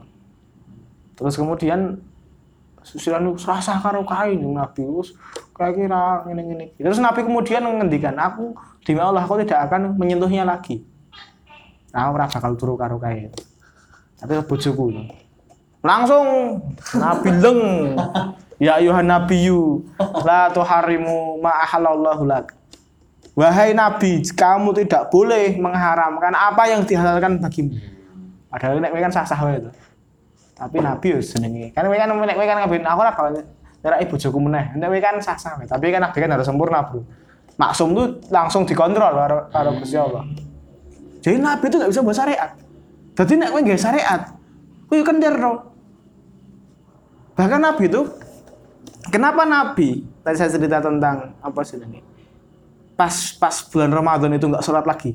Tahu ngerti ngerti alasannya apa ora? hmm. Biar nggak dikira wajib. Nabi itu sampai kayak gitu. Iki sing di syariat tuh. Maksudnya iki sing sing apa SOP syariat iki kan Nabi tuh. Manusia paling Quran sedunia. Itu kan kanjeng Nabi tuh. Ada teman-teman pernah apa? Nabi itu. Jadi banyak ada beberapa hadis yang mengatakan sesungguhnya aku suka dengan amalan ini tapi aku khawatir nek diwajibi akan membebani umatku. Misal mau apa jenis qiyamul lail yang Ramadan. Atau kemudian yang kedua apa? Misal siwak. Nabi Nabi itu suka bersiwak. Suka sekali. Tapi Nabi kemudian nggak ber- nggak berani karena kan takutnya membebani umatnya. Jadi salah satu bentuk bid'ah paling sembrono kuwi adalah merusak tataran syariat. Yaitu nggak syariat anyar atau membuat tingkatan dalam syariat baru. Misal, sing sunnah mbok yakini wajib, Hmm. Ya, ya. sing mubah mbok yakini wajib. Kuwi dadi bid'ah kuwi. Mengubah tatanan. Misal contoh, kowe nek era apa jenenge? Nek era duha, dosa. Ora ora. Kuwi kuwi kuwi ra wah. Kuwi wis bid'ah, Bro. Niate apik. Tatanan hukum dalam Islam.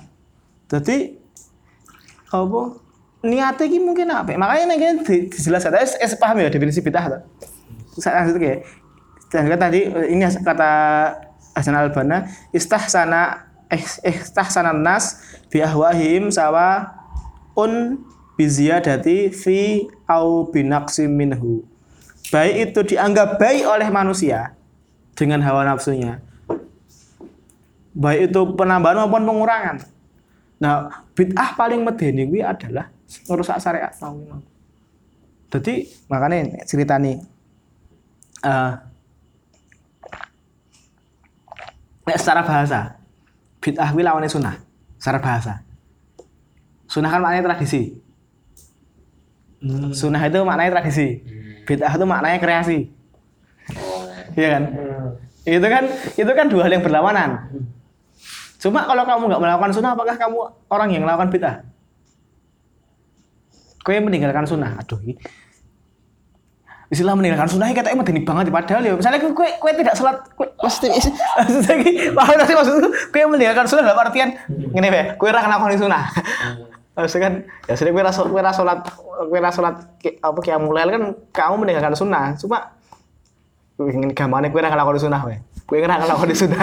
Karena aku ninggal sunah kan wedi banget dan engko wah iki ahlul bid'ah. Wah, repot repot karena akeh sing wong dogo ngono kuwi lho. Kowe ora nglakoni sunah. Apakah kamu sedang melakukan bid'ah? Enggak. Enggak, Bro. Paham ya? Kalau dalam bahasa memang Oh. lawannya bid'ah itu sunnah. Cuma dalam syariat orang kok ngono kuwi. Tapi dalam filosofi nih, nek kowe ngelakon gawe bid'ah, se- se- se- se- sejatinya kamu sedang melawan sunnah kanjeng Nabi karo sunnah Gusti Allah.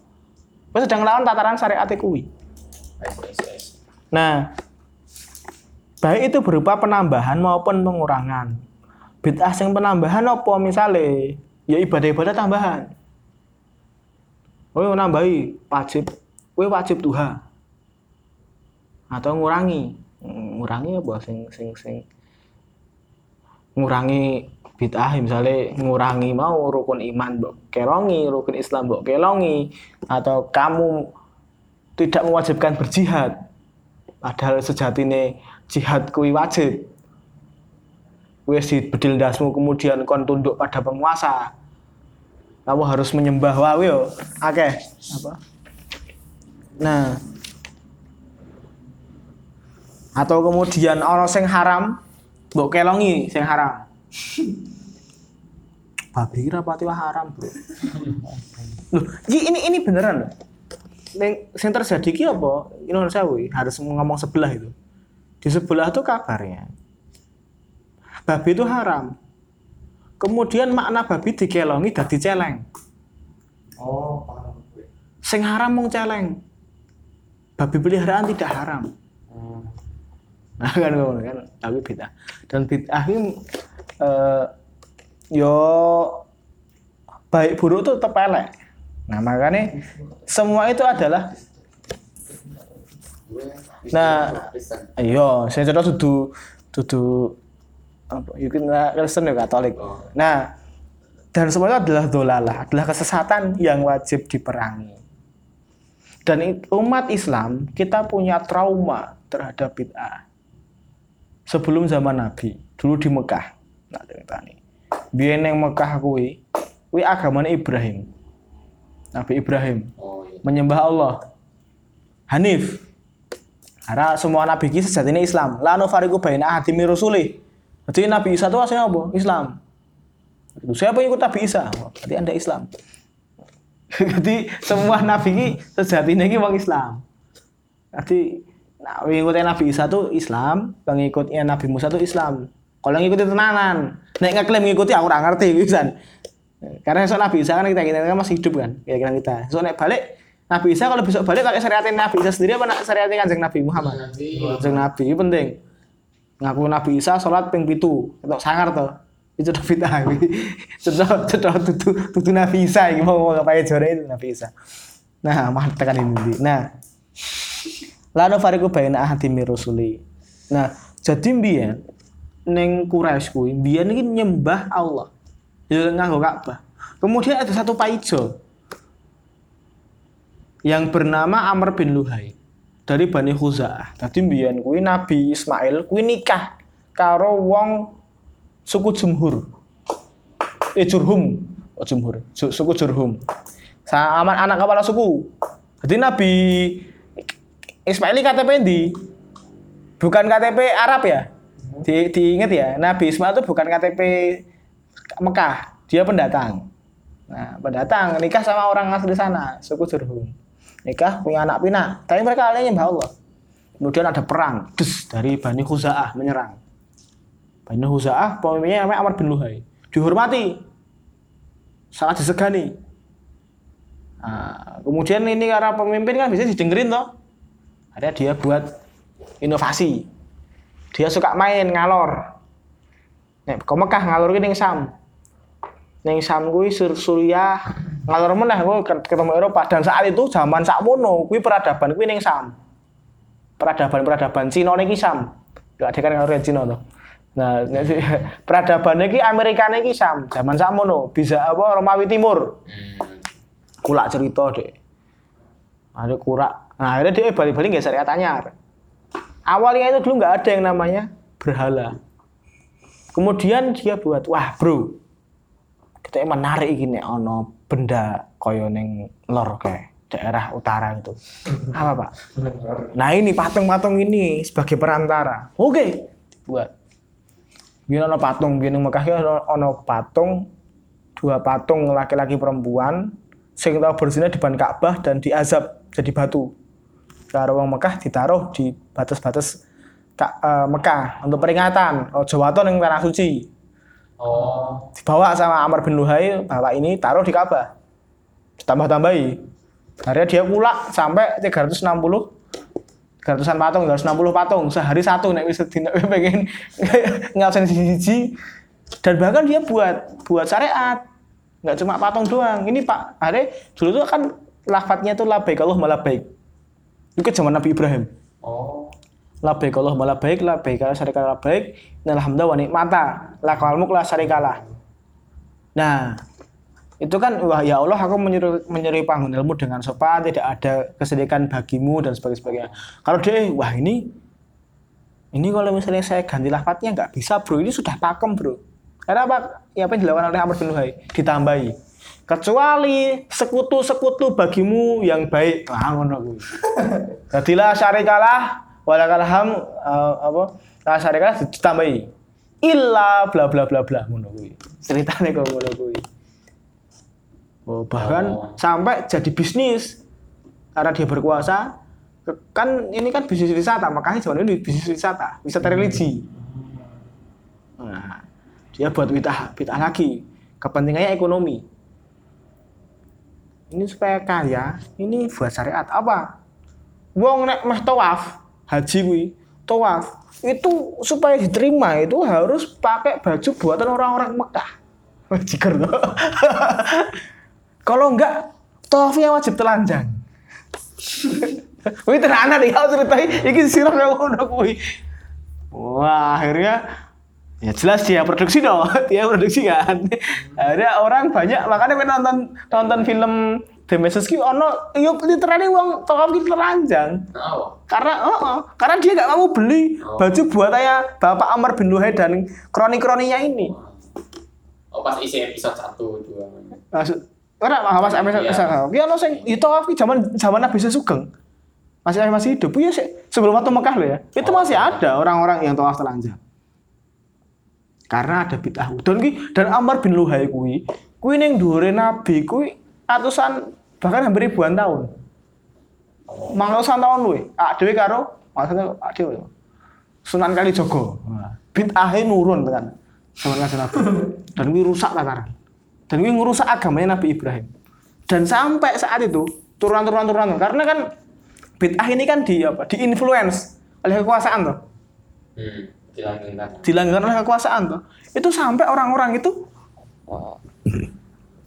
bener-bener lupa karena saya jenenge syariat.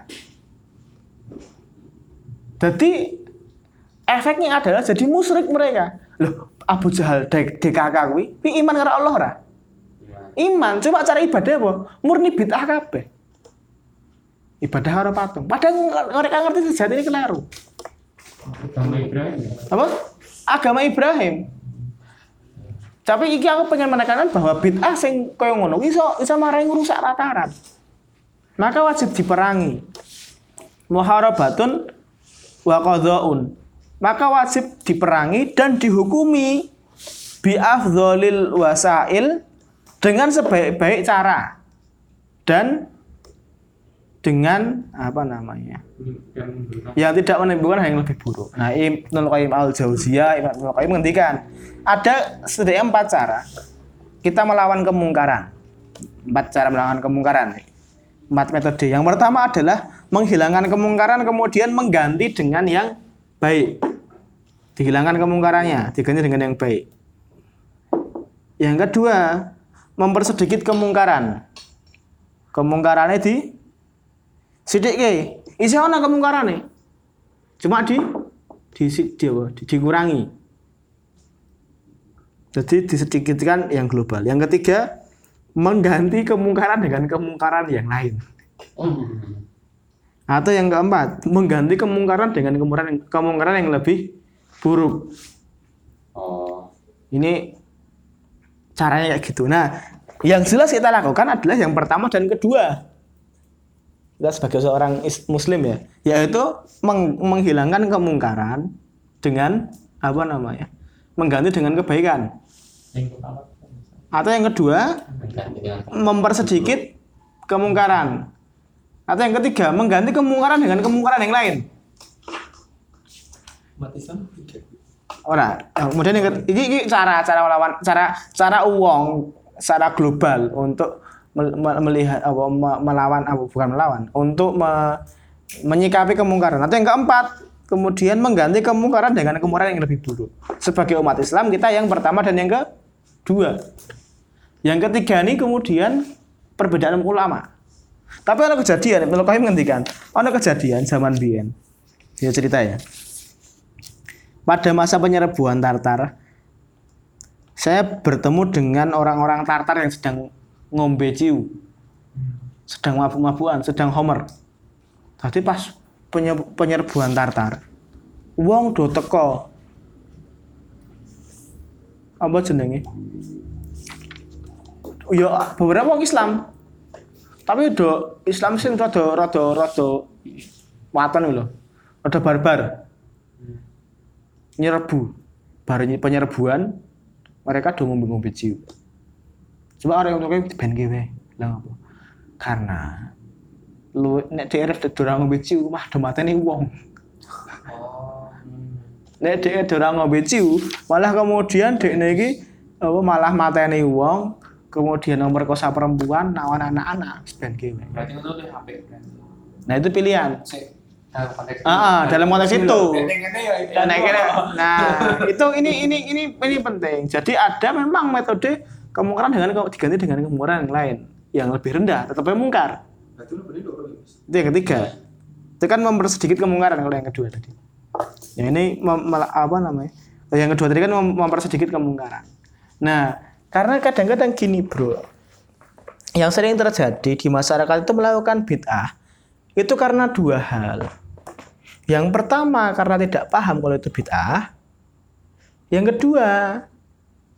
Yang pertama karena tidak paham, yang, yang kedua karena hawa nafsu. Dia ngerti tapi ngelakoni. Betul loh ya. Uang ngerti, jadi beda antara uang sing ngerti kebenaran Islam ra nampa Islam karo uang sing dekne cenderung ngerti tentang kebenaran Islam kan levelnya beda.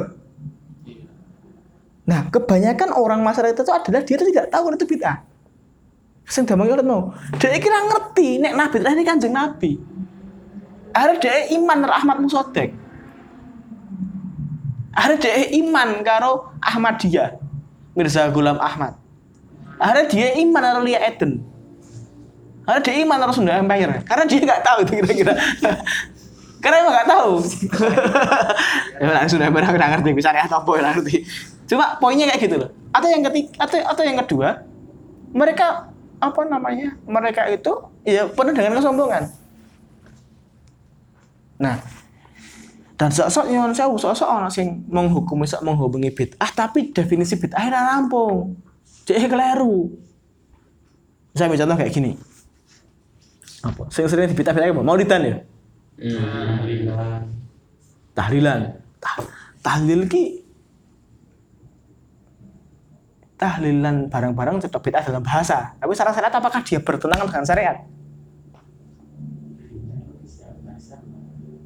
Tahlilan kan tidak maknanya. Kita- Bertahlil, la ilaha illallah.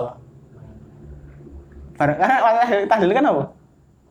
Adalah la ilaha illallah toh, kalimat tahlil. Ya. Nah, ini yang penting nih buat kita nih. Ini yang ini yang terakhir penutup. Tahlilan ini bid'ah apa ora? Atau maulid ini bid'ah apa ora? Nah, misalnya Ha- Hadratus Syekh Imam Hasan Asy'ari, beliau itu ngendikan, dari zaman biyen kuwi maulidan ini bid'ah.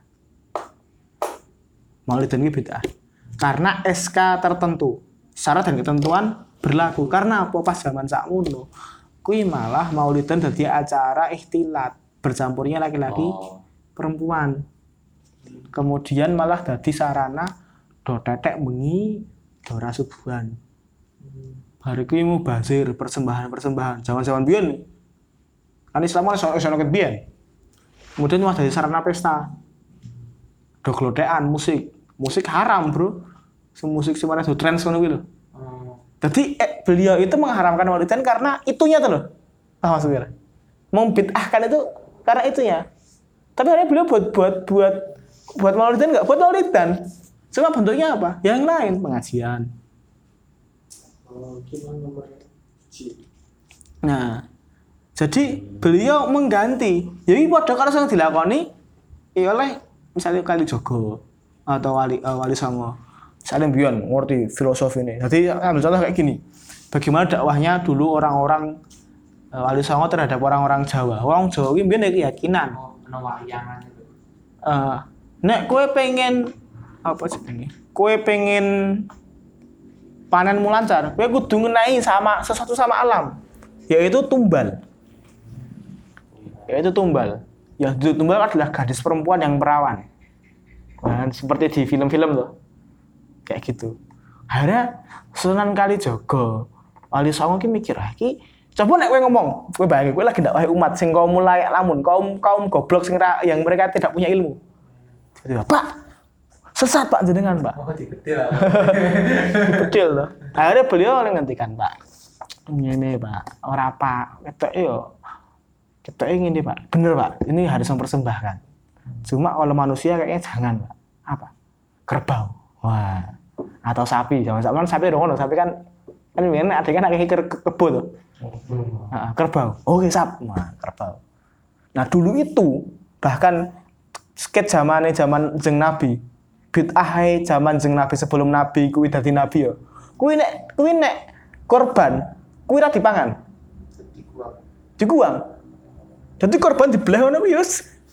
Demi dewa, demi lata uza bla bla bla ngono kuwi dideleh. Ora ora ora ora ora ora ora digapak-gapake, ora dipangan. Itu cara berpikirmu mubazir, tapi kan cara berpikir mereka persembahan. Nah, Zaman sakmono. Akhirnya sama Wali Songo, Pak, iki sebenarnya kan Tuhan itu kan apa? Yang penting kan pengorbanan dari kita. Ini dimakan nggak apa-apa. Oh ya, siap siap. Di acara ruatan. Nah, akhirnya kan jadi akhirnya biyen sing biyen kuwi apa jenenge? Biyen kuwi mengorbankan perempuan dibelah lebokke ning Merapi ngono di jangan bilang ngono kuwi. Mungkin buka buka. Nah akhirnya dijadikan kerbau, dijadikan jadi korban dimakan. Itu yo suwi bro. Prosesnya tidak satu nggak kemudian satu dua bulan ngono kuwi. Kalau KKN ngono kuwi langsung kabeh iman wah. Tahunan, ratusan tahun. Nah itu bentuk bagaimana kayak kuwi angel. Pakaian Nah, merubah dan kemudian jangan sampai kita jadi ini memerangi kemungkaran dan menghu- menghukuminya itu memerangi ini kalau saya selalu mengatakan memerangi kemungkaran, mengur- mengurangi kesesatan itu bukan memerangi orang-orang sesat atau memerangi orang-orang mungkar. Fix against poverty-nya FEBUGM itu jangan diartikan sebagai melawan orang-orang miskin. Tapi melawan kemiskinan, paham? kan eh, eh, BEM FEB UGM tuh, ekonomi kan punya tagline tuh. Facts against poverty. Melawan kemiskinan. Apa yang dilakukan? Apakah apa apakah kemudian dia saya kan unik tuh caranya tuh. Apakah orang-orang miskin dihilangkan, dimusnahkan? Bukan kan? Tapi kemudian ya kamu mensederhanakan itu kan. Berarti dia melawan kebit kebitahan, dia kayak menyerukan kepada sunnah. Dan aku yakin mungkin Indonesia itu akeh sunah bangun bid'ah. Ayo sholat madhep ngulon, sunah apa bid'ah? sunah. Sunah, kan salatnya kanjeng Nabi. Sunah salatnya ngadeg, gitu. Maksudnya Allah Akbar. Jadi aslinya lebih akeh, lebih akeh sunah. Oh. Nah, dan ini sebagai orang awam, ini kunci kuncinya ini terakhir. ya. Kuncinya adalah ikhtilaf itu bukan bid'ah. Khilafiyah itu bukan bid'ah. Perbedaan pendapat para ulama itu bukan bid'ah. Imam Syafi'i ngendikan kunut itu kunut subuh itu sunnah. Imam Ahmad bin Hambal mengatakan kunut subuh itu bid'ah. Cara itu sebagai orang awam apa? Itu bukan bid'ah, itu adalah apa? Perbedaan pendapat di antara para ulama. Paling damai kok ngono, paham?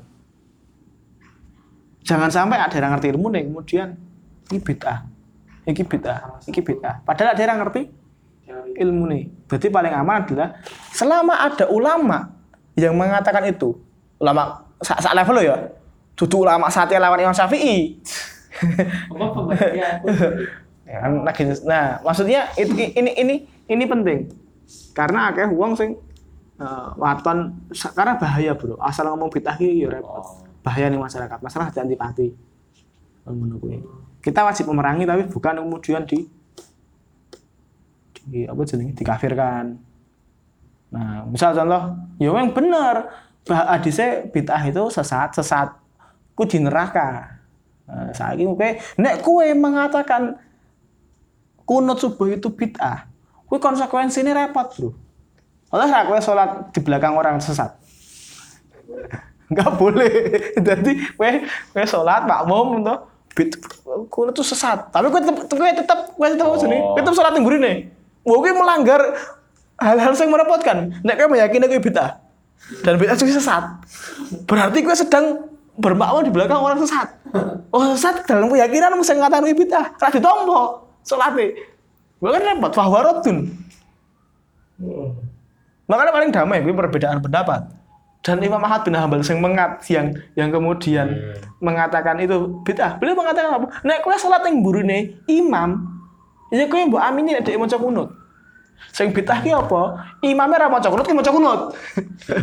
Kuwi sudah bid'ah kuwi kowe lagi kowe lagi wae meh rukuk. Allah Mas ya kuwi sudah kunut. Ya ya. pun nggih Ya man huwa Allahul ladzi la ilaha illa huwa rahmanur rahim الملك القدوس السلام المؤمن المهيمن العزيز الجبار المتكبر الخالق البارئ المصور الغفار القهار الوهاب الرزاق الفتاه العليم القابض الباسط الخافض الرافع المعز المذل السميع البصير الحكم العدل اللطيف الخبير الحليم العظيم الغفور الشكور العلي الكبير الحفيظ المقيم الحسيب الجليل الكريم الرقيب المجيب الواسع الحكيم الدود المجيد الباعث الشهيد الحق الوكيل القوي المتين الولي الحميد المحصي المبدع المعيد المحيي المميت الحي القيوم الواجد الماجد الواحد الصمد القادر المقتدر المقدم المؤخر الأول الآخر الظاهر الباطن الوالي المتعالي البر التواب المنتقم العفو الرؤوف المالك الملك ذو الجلال والإكرام المقسط الجامع الغني المغني المانع الضار. نافع النور الهادي البديع الباقي. الوارث الرشيد الصبور الذي ليس كمثله. شيء وهو السميع البصير. اللهم صل أفضل صلاة على أسعد المخلوقات كسيدنا محمد وعلى آله وصحبه وسلم عدد معلوماتك ومداد كلماتك كلما ذكرك الذاكرون وغفل عن ذكره الغافلون